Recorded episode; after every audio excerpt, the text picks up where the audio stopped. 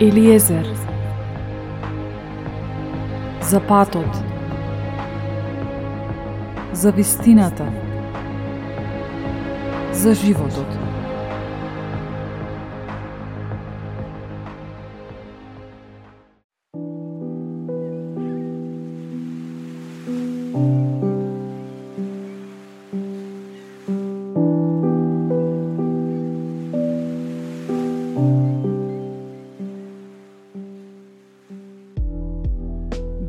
Бог е дух.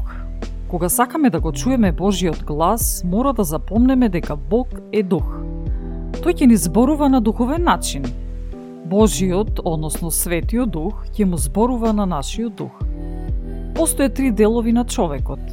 Тело, душа и дух, како што е запишано во прво послание до Солунтијаните 5.23 целиот ваш дух и душата и телото да се запазат без порок при доаѓањето на нашиот Господ Исус Христос.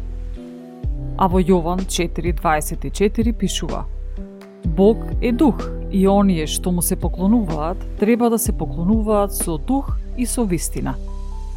А каде што е духот, таму е и слободата. Драги слушатели, започнува ново издание на подкастот Елиезер.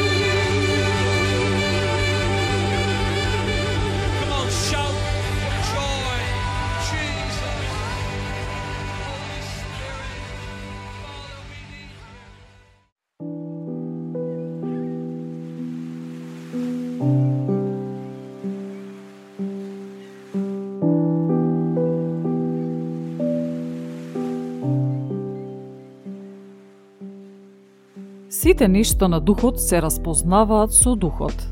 Ние имаме дух и Бог е дух. Светиот дух живее во нас. Штом го разбереме ова, можеме да го препознаваме и слушаме Божиот глас. Бидејќи понекогаш Божиот глас е сепак тиво глас што доаѓа во нашиот дух. Небесниот татко нема да ни зборува во нашата глава, во нашиот ум, во нашето тело, туку во нашиот дух – Нашиот дух го препознава гласот на Божиот дух. Телото е тело, духот е дух.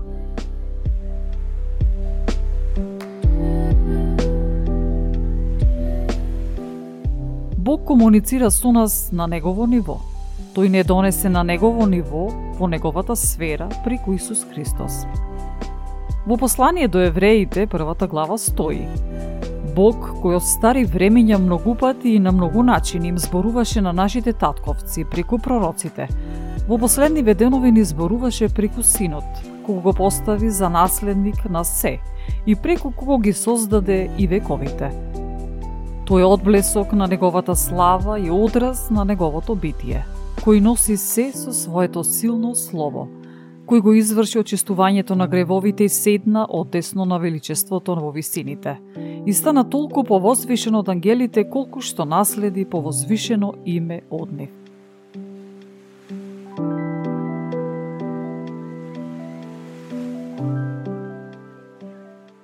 Битие првата глава започнува вака. Во почетокот, Бог ги создаде небото и земјата. Земјата беше безоблична и празна. Имаше темнина над бездната. Духот Божи лебдеше над водата. Светиот Дух беше на готовс, односно беше подготвен да ги изврши наредбите на Господ Бог, како што е назначено. И рече Бог, нека биде светлина. И би светлина. И виде Бог дека светлината е добра и ја оддели Бог светлината од темнината. И светлината Бог ја нарече ден, а темнината ја нарече ноќ. И би вечер, и би утро, ден први. Потоа рече Бог нека има свод среде водата и тој да разделува вода од вода. И создаде Бог свод и ја одвои водата од под сводот од водата над сводот. Така и стана. И така, за се останато.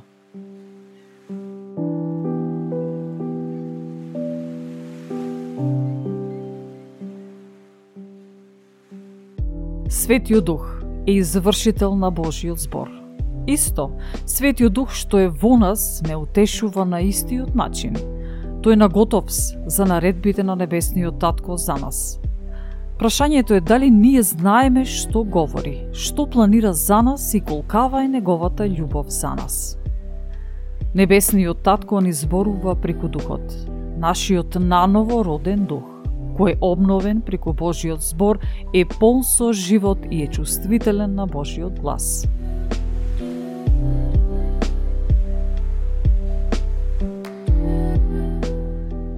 Едно од најважните нешта е да бидеме свесни дека живееме во две сфери. Едната е сферата во која живееме во телото, овде на земјата. Телото ни е костим, куќа на нашиот дух, но функционира на духовно ниво, не на материјално. Кога медитираме на Божиот збор, го храниме духот. Божиот збор ни е духовна храна, исто како што го храниме нашето физичко тело. Подготвуваме храна, вежбаме, водиме грижа за благосостојбата на нашето тело. Така е потребно да внесуваме и духовна храна. Исус Христос, кога беше искушуван од сатаната, му одговори Човекот нема да живее само од леп, туку од секој збор што излегува од устата на Бога. Исто така ни укажа Зборовите што ви ги кажав се дух и живот. Јас сум лебот на животот, кој доаѓа при мене нема да огладни, и кој верува во мене нема никогаш да ожедни.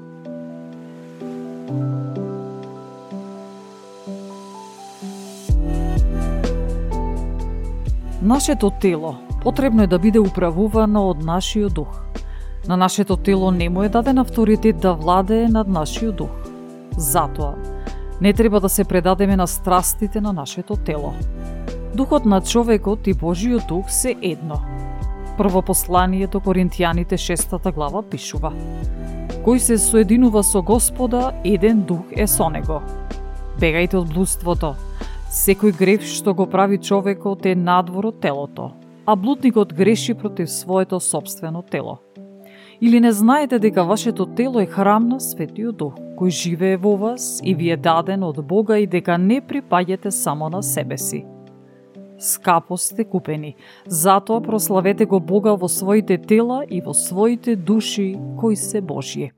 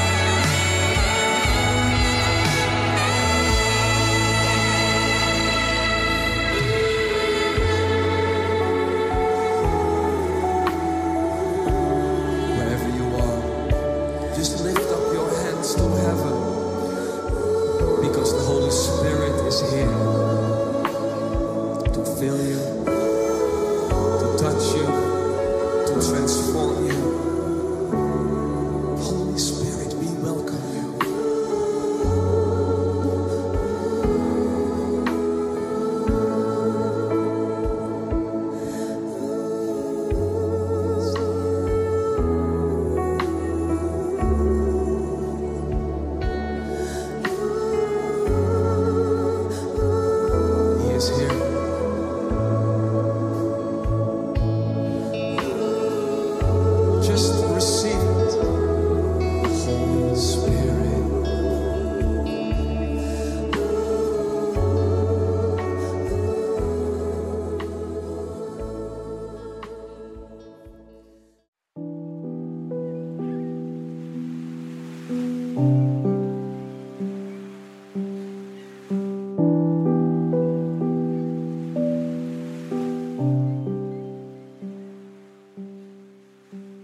Моќта на Светиот Дух внатре во нашиот дух треба да доминира како водечки глас во нашиот живот. Срцето на Небесниот Татко ќе биде откриено од Светиот Дух. Светиот Дух ќе го земе она што е духовно и ќе ни го даде нам. Ние ќе го примиме тоа преку нашиот дух, внатре во нашето срце. Исус во Евангелие според Јован 15 глава говори А кога ќе дојде утешителот, кого што ќе ви го испратам јас од Отецот, Духот на вистината, кој злегува од Отецот, Он ќе сведочи за мене.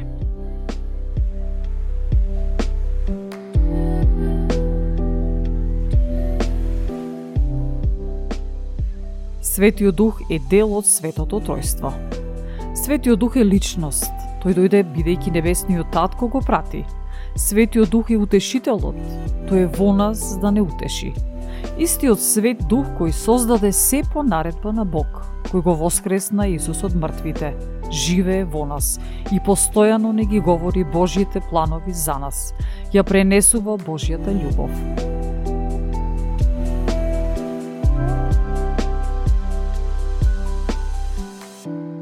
Нашето тело и душа се во контакт со оваа земска сфера. И знаењето и мудроста што ги добиваме овде зборуваат спротивни работи од Божите. Затоа мора да му дозволиме на Светиот Дух, Духот на вистината, да не утеши, да ни ја каже вистината за вистинската небесната реалност, а не за ова што го гледаме на земјата, околу нас. Во послание до Коринтијаните исто така пишува – Не знаете ли вие дека сте храм Божи и Духот Божи живее во вас? Ако некој го разори Божиот храм, него Бог ќе го разори, зашто Божиот храм е свет, а тоа сте вие. Никој нека не се лаже. Ако некој од вас мисли дека е мудар во овој свет, нека стане безумен за да биде мудар. Зашто мудроста од овој свет е безумство пред Бога, како што е напишано Он ги фаќа мудрите во нивното лукавство.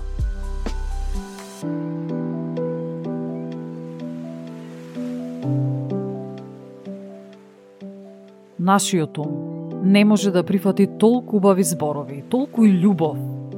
Нашиот ум е навикнат на светот околу нас, навикнат е на оваа земска сфера. Не може да восприеми толкава светлина. Токму заради тоа треба да го обновуваме, да вградиме нов концепт на мислење, да го вградиме Божиот концепт. Штом почнеме да го правиме, тоа Светиот Дух ќе почне да ни зборува.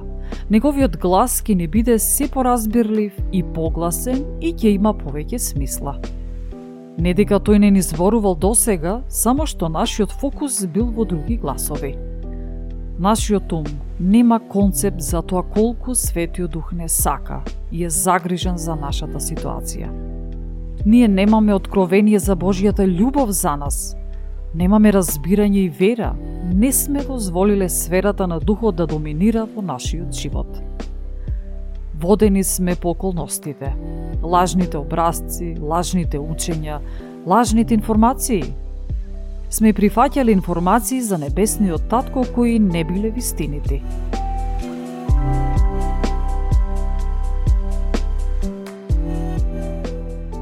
Светиот Дух не мотивира, не инспирира, не охрабрува дека се е во ред и дека се доаѓа на свое место. Потребна е нашата соработка и вербата. Светиот Дух веќе беше во нашата еднина, која е светла и од тоа сознание ни ги дава информациите и насоките.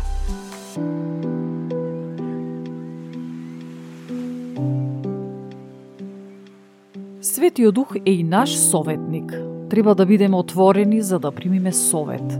На тој начин се здобиваме со мудрост и разбирање. На тој начин ќе знаеме како да ја имплементираме Божијата воја за нас. Во моментов Светиот Дух ни дава совет, ни насочува. Зарем не е подобар советот од Светиот Дух отколку нечие мислење? Го споредуваме ова советување со советување на адвокат, што ќе ни укаже што треба да сториме, а што не. Светиот Дух ни кажува што треба да сториме. Ни вели, ако направиш така, тогаш се ќе биде во ред. За некој од нас ова може би е тешко да се прифати, но таа е вистината. Колку повеќе соработуваме со Светиот Дух, толку подобро ќе биде за нас станува збор за духовно сознавање и расудување.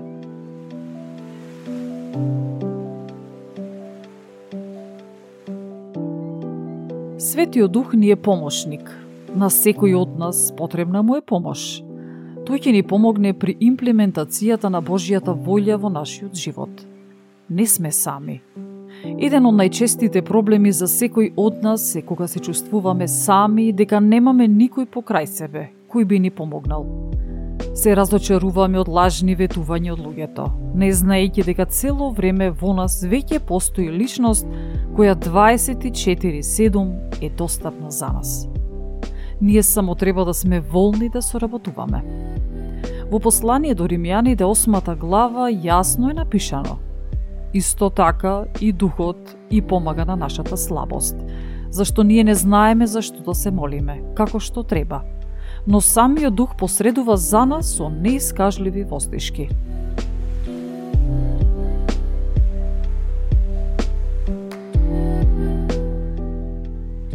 Дел од Божиот глас е физичката манифестација на она што сме го слушнале и разбрале. Светиот Дух нема да не остави како сираци, како што говори Исус во Евангелие според Јован. Нема да ве оставам сираци, ќе дојдам при вас.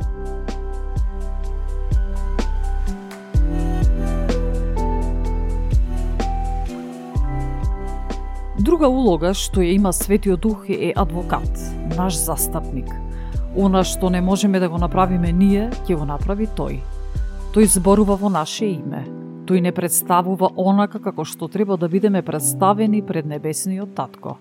Светиот Дух како наш посредник го зазема нашето место. И не само тоа, туку целосно ја завршува работата за нас. Во оваа улога не станува збор за нашите можности, туку Светиот Дух целосно ја завршува работата место нас. Кој не би го сакал ова? Ова е нешто слично како да ни амбасадор, доколку му дадеме целосен авторитет да го стори тоа, доколку ја ставиме нашата доверба во него.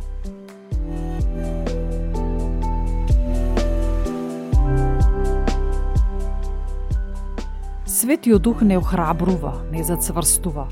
Божијата моќ на воскреснувањето е всушност Светиот Дух. Светиот Дух го воскресна Исус Христос од мртвите. Истиот тој Дух живее и престојува во нас, како што е наведено во послание до Римјаните 8 глава. Но ако Духот на оној кој го воскресна од мртвите Исус живее во вас, тоа оној кој го воскресна Христос од мртвите ќе ги оживотвори вашите смртни тела преку својот дух, кој живее во вас.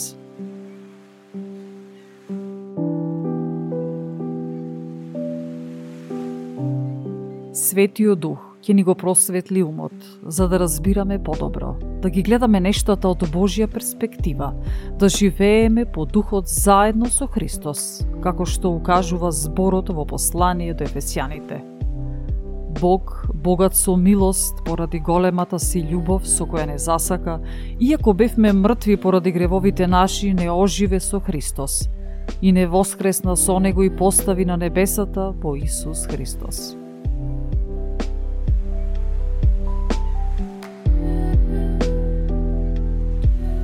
Затоа, Потребно е да ја предадеме нашата волја на неговата, да пристапиме кон Светиот Дух и да му дозволиме да не учи и поучува. Тој не закрилува и е подготвен да ги изврши сите наредби од Небесниот Татко за нашиот живот. Нашата улога во овој случај е да ја изговараме, да ја декларираме Божијата волја за нас гласно. Не по случајност Исус Христос говори: Барај и ќе ти се даде да го одиграме својот дел и да го декларираме она што сака Небесниот Татко за нас. Затоа што ни вели, Оти само јас ги знам за мислите што сум ги смислил за вас, вели Господ. Замислите за добро, а не за зло, за да ви дадам иднина и надеж.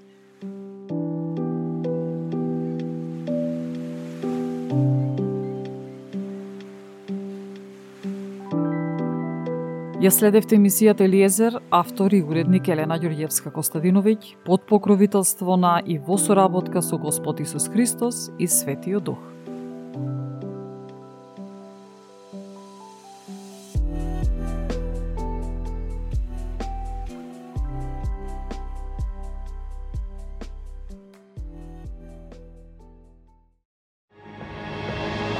Елиезер